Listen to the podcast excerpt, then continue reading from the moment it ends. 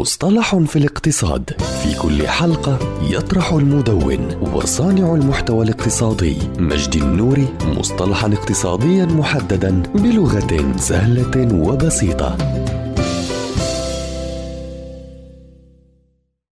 الحرب التجارية هو مصطلح معاصر يقصد به استخدام الرسوم الجمركية والإجراءات الحمائية التي تعيق أو تعطل تدفق السلع بين بلدين أو أكثر، أو هو مصطلح يشير إلى قيام دولتين أو أكثر بفرض رسوم جمركية أو حواجز تجارية على بعضها البعض، ردا على حواجز تجارية أخرى، وذلك مثل قيام الولايات المتحدة الأمريكية بتطبيق التعرفة الجمركية على وارداتها من الصين وبالتحديد الصلب الصلب والألمنيوم وكذلك منتجات تكنولوجية أخرى. وفي المقابل تقوم الصين بفرض التعرفة الجمركية على المنتجات الأمريكية كرد فعل على التعرفات الجمركية المفروضة على منتجاتها. وهو المعنى التنفيذي والفعلي لكلمة حرب تجارية